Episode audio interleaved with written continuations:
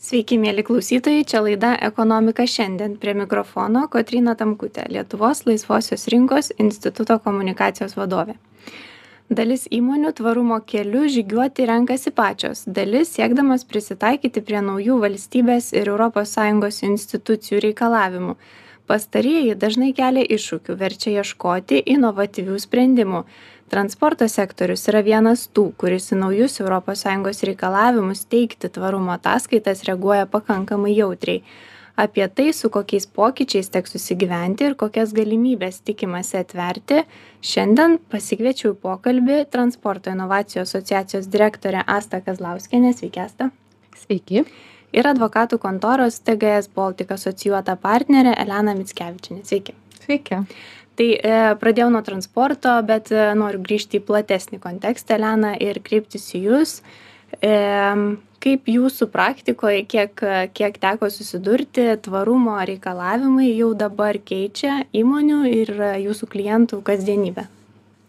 Tai pirmiausia labai ačiū kad pakvietėt kalbėti apie tvarumą. Iš tikrųjų tai yra labai svarbi tema ir to informacinio triukšmo dabar yra daug bet manau kuo daugiau šnekės tuo daugiau visi į įsisavins tuos reikalavimus kurie iš tikrųjų ateina.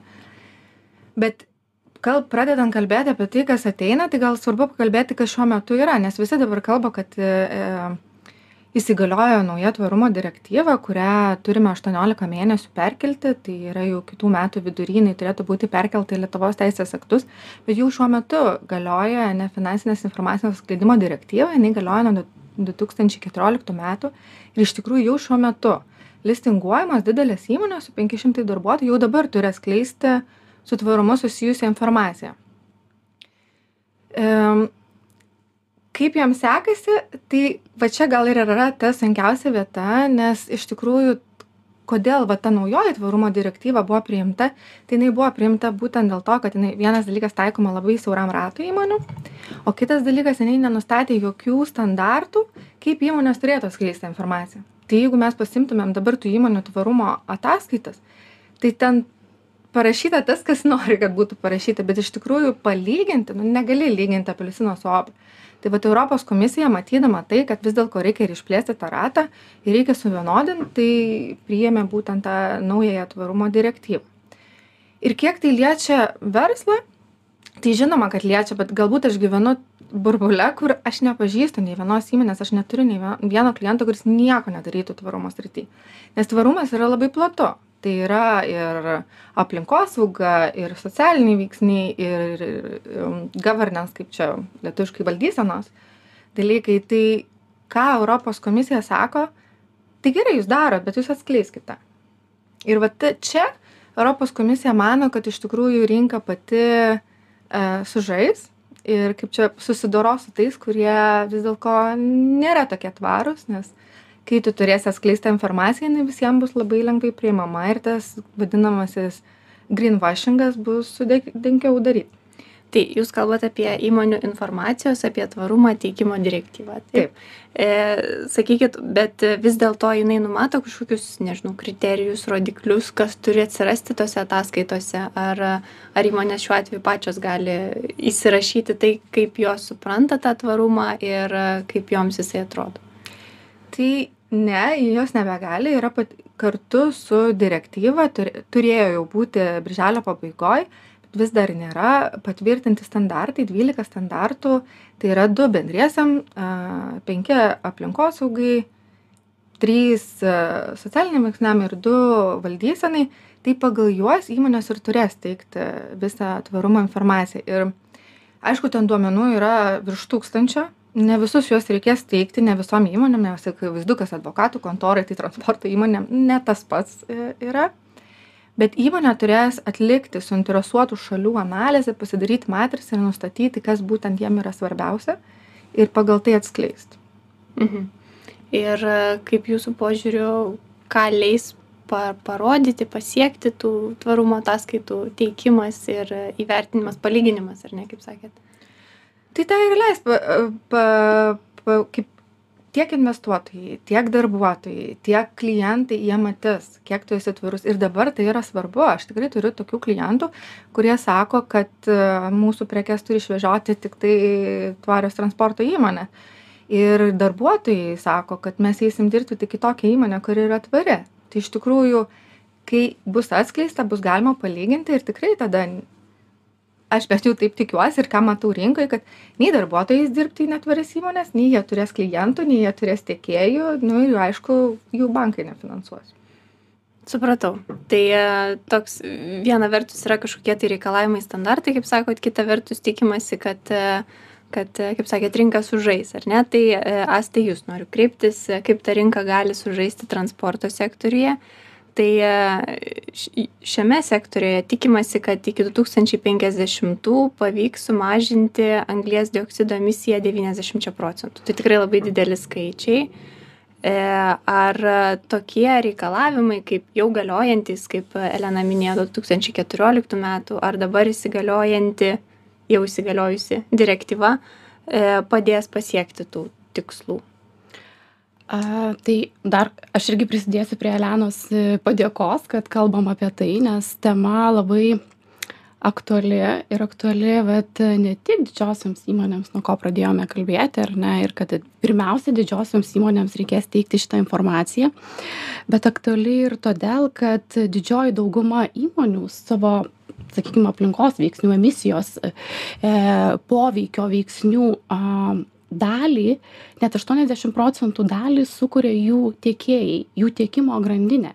Tai reiškia, vad ką Elena paminėjo, kad e, pirmiausia, e, šita visa informacija bus e, atskleidžiama didžiųjų įmonių, bet didžiosios įmonės jos turi savo tiekėjus, jos turi vežėjus, konkrečiai, jeigu kalbame apie transporto sektorių ir ką aš noriu vat, pa, akcentuoti, kad čia šita direktyva vat mastas galbūt jos dar ne visi suvokia jos mastą ir jo svarbą ir ypatingai transporto sektoriuje vat ką mes ir bandom daryti kalbėti apie tai kuo daugiau skleisti tą informaciją ne tik tarp didžiųjų įmonių kurios dažnu atveju kaip ir elena minėjo jau kažką ir daro ir skaičiuoja ir tą informaciją teikia. Bet tas mastas kuris dabar ateina dažnai dar yra nesuprantama tos tos tos to dydžio nes e, net ir mažesnės transporto įmonės norėdamos vežti krovinius toms pačioms didžia didžiosioms įmonėms jos privalės prisitaikyti ir teikti joms tą informaciją.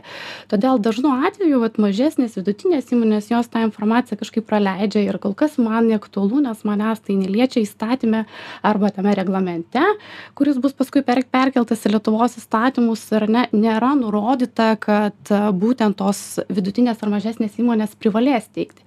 Bet jeigu jos norės būti rinkoje, kaip Relena sakė, jeigu jos norės būti rinkoje, jeigu jos norės išlaikyti konkurenciją, jos privalės tą teikti o dabar atsakant ar tai pavyks pasiekti ar ne tas tas jūsų klausimas ar pavyks pasiekti iki penkiasdešimtų tuos rodiklius iš tikrųjų gana sunku atsakyti nes tie penkiasdešimti metai dar gana toli bet tai kas dabar vyksta tos priimtos direktyvos visa tai yra griežtinama kaip elenas minėjo visa tai bus palyginama manau kad tai yra labai svarbūs veiksniai. Ir to nors ir dažnu atveju tai tikrai bus daug iššūkių įmonėms tai prisitaikyti savo kasdienėje veikloje nes kaip ir elena minėjo rodiklių kuriuos e, bu reikės stebėti arba bent jau įsivertinti jų svarbą yra tikrai labai daug. Bet juos įsivertinus e, radus tuos rodiklius kurie konkrečiai įmonei yra tinkami aktualūs be abejo tas procesas su su supaprastės ir visa tai vyks paprasčiau bet tą ką mes matom tie griežti veiksmai aš manau kad jie yra reikalingi nes jau dabar mes patiriam tuos klimato kaitos ar ne pokyčius e, dega miškai ir dega nebe kažkur australijoje ar ar tose šalyse kurios mūsų mūsų nu toli nuo mūsų dega čia pat ar ne. Ir mes turim keisti savo atostogų planus. Ir kažkada atrodė kad tai e, yra e, kažkada ateis galbūt tas poveikis. Tas poveikis jau yra. Ir jeigu šitos direktyvos nebūtų priimtos priimtos jeigu įmonės nebūtų kaip sakyt įstatomos į tam tikrus rėmus tų o tikslų penkiasdešimtais metais na iš viso būtų nerealu pasiekti kai mes kalbam su mūsų sakykim susisiekimo ministerijos atstovais arba tais pačiais europos sąjungos atstovais matom kad na iš tikrųjų čia yra tikrai labai rimti rimt rimtos užduotys rimti tikslai keliami ir finansavimas kuris ateina į europos šalis tam per tam tikras programas kad ir tas pats rrfas ar ne a jeigu nebus šitie tikslai įgyvendinami arba bent jau judama jų tų tikslų link pakankamai sparčiai a yra įpareigojimai ir dalis lėšų net iš europinių fondų gali būti e, gražinami, reikalauti ES, kad jie būtų gražinami, bent jau turim tokią informaciją mes iš partnerių. Taigi, na, įpareigojimai yra rimti. Ruoštis reikia tikrai rimtai, aišku, gazdintis, na, be reikalo neverta, nes visa tai yra, e, vyks žingsnis po žingsnio.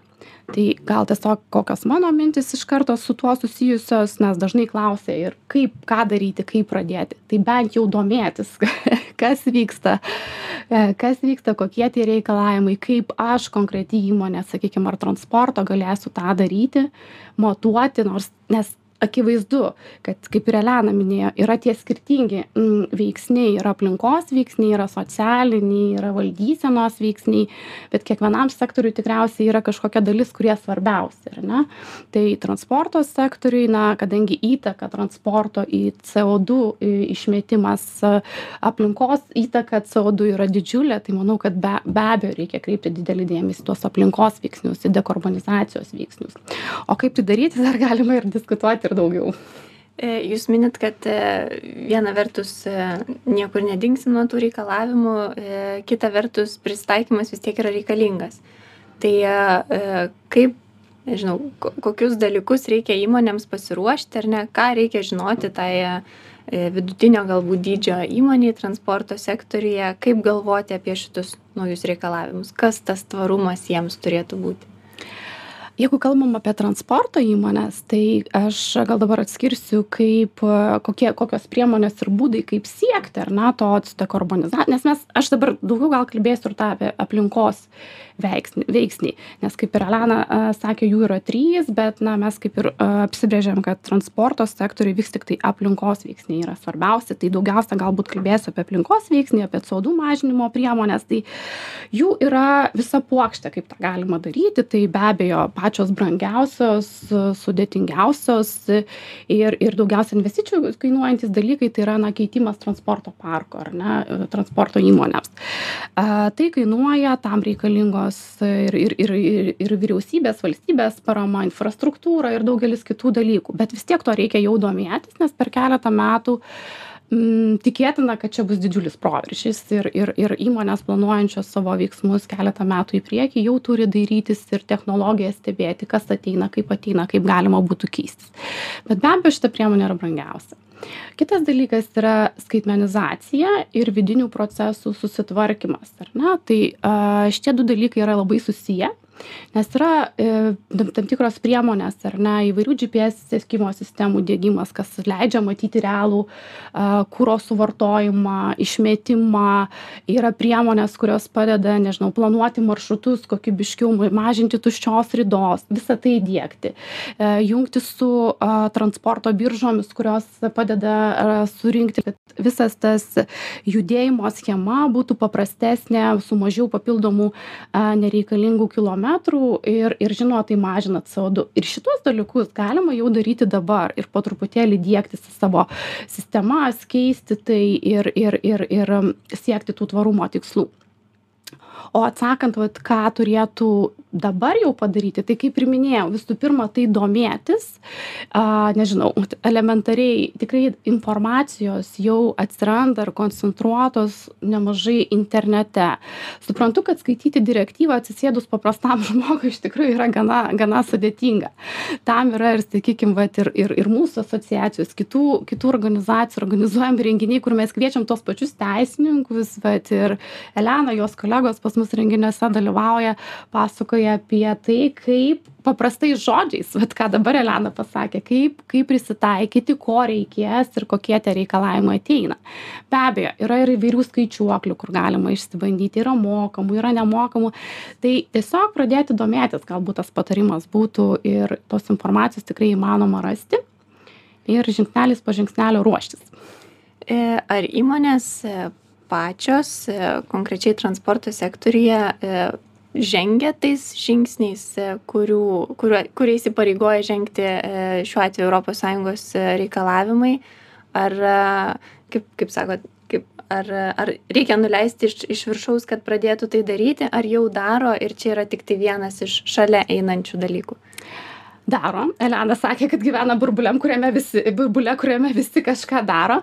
Aš gal nesu tame burbule nes matom iš tikrųjų kadangi dirbam transpor su transporto sektoriaus įmonėmis matom jų įvairių ir įvairių įvairų pažangos lygį. Vienos daro ir labai sparčiai daro ir renka tuos rodiklius ir ir ir ir planuoja kaip kaip prisitaikys prie tų ataskaitų kaip kitos kitos dar kaip ir minėjau dar mažai apie tai galvoja a daugiau yra susikoncentravę į tas kasdienes problemas į kainodarą į krovinių susi su suradimą. Tačiau na vis tiek ateinančios direktyvos natūraliai tai yra didžiulis postūmis. Manau kad kuris privers transformuotis visą rinką. Ir kaip elena irgi minėjo kad jeigu organizacijos apie tai negalvos jos tiesiog gali iškristi iš žaidimo nes tiekėjams jų nereikės.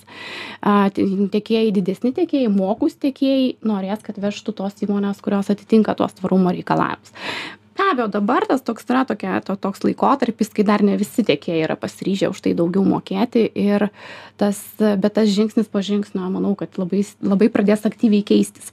O dar trumpai atsakant į tą klausimą kiek? Aš turiu tokį skaičių čia nėra tik transporto įmonių statistika bet yra bendrai įmonių statistika pabaltijos įmonių statistika surinkta įmonės sustenere man atrodo pavadinimas. A jie turi tokią statistiką kad lietuvoje iš didžiųjų įmonių kurioms bus privaloma jau neužilgo teikti tą informaciją dvidešim du procentai jau teikia.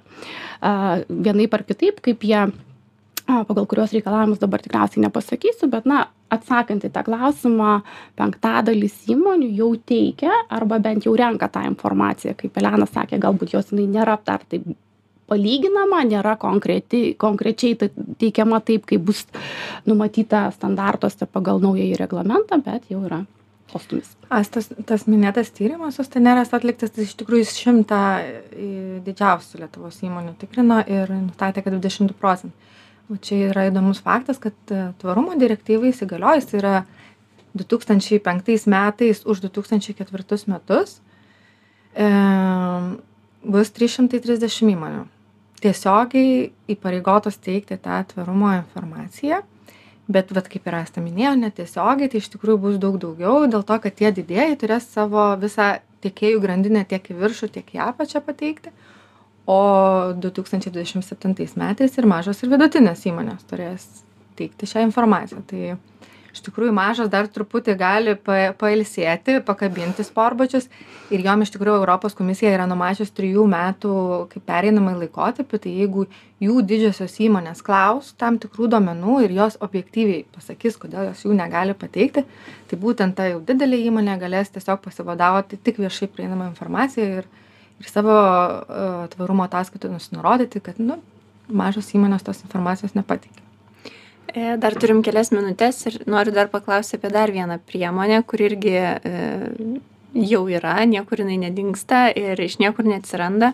Tai irgi nuo praeitų metų pradžios ES įsigalioja finansų įstaigoms numatyta taksonomija tvarios veiklos klasifikavimo sistema tai e, šitas šitas dalykas kurį elena jūsų prašysiu paaiškinti irgi yra susijęs su su tvarumo žingsniais ir kaip įmonės e, kaip įmonės viena vertus finansuojamos kita vertus kaip jos gali išlikti rinkoje. Tai kas čia per mechanizmas ir kaip tai susiję su tvarumu? Tai taksonomijos reglamentas taip jis yra galiojantis. Pagal jį informaciją turi teikti jau dabar tos įmonės kur minėjau pagal nefinansinės informacijos atskleidimo direktyva ir finansų įstaigos bet kas yra taksonomijos reglamentas tai nėra kažkoks tai e, įpareigojimų reglamentas tai yra kvalifika klasifikacija e, ekonominių veiklų kurios tvarios ir kurios ne. Jisai pateikia techninius kriterijus kaip nustatyti ar būtent ta veikla yra tvari ar netvari. Ir ta tų techninių kriterijų šiuo metu yra apie trisdešimčiai veiklų pačių taršiausių. Europos komisijos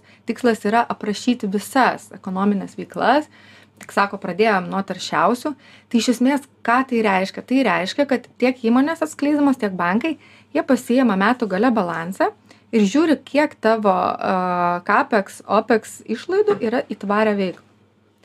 Ir tu tiesiog ir kiek tavo pajamų yra gauta iš tvarios veiklos. Tai vienas dalykas tai įmonės turi paske paskelbti jau savo tvarumo ataskaitą. Kitas dalykas bankai pagal tai jie žiūri ar tas projektas yra tvarus nes tai aš ką minėjau kad labai yra to daug grynvašingo ir tas taksonomijos reglamentas jis aiškiai pasako kokius techninius ten yra labai tikrai detalūs tie techniniai kriterijai kokia ar jinai tvari ar jinai netvari ir ką jinai turi padaryti kad jinai būtų tvari o tie kriterijai numato kokią nors e, lankstumo galimybę ar nelabai Nelabai. Nelabai. Žinok, nelabai žinok.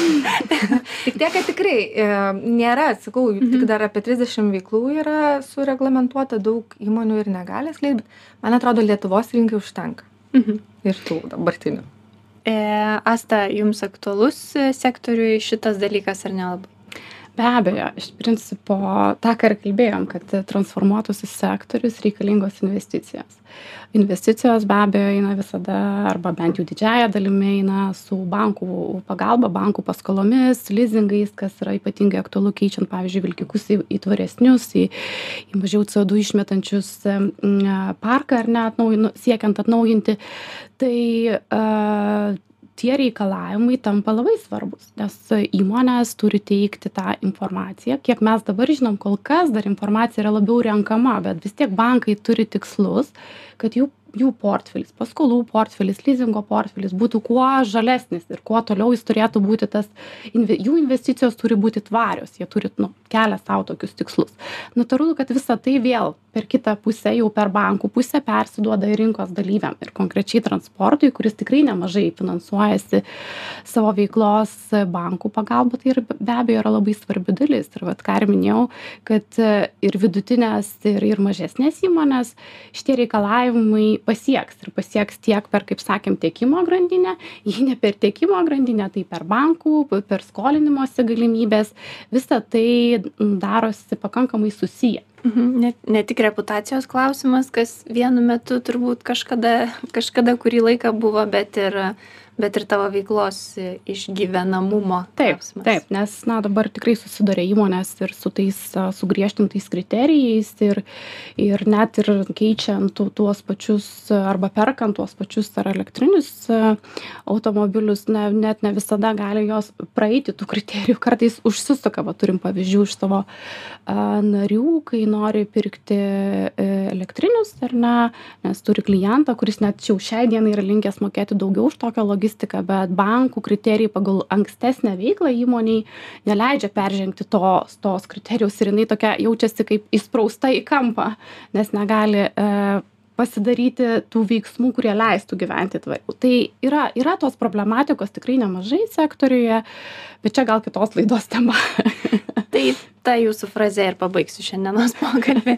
tai ačiū labai, kalbėjomės apie ir apie transporto sektorių, ir apie jam ir visiems kitiems sektoriams keliamus tvarumo reikalavimus.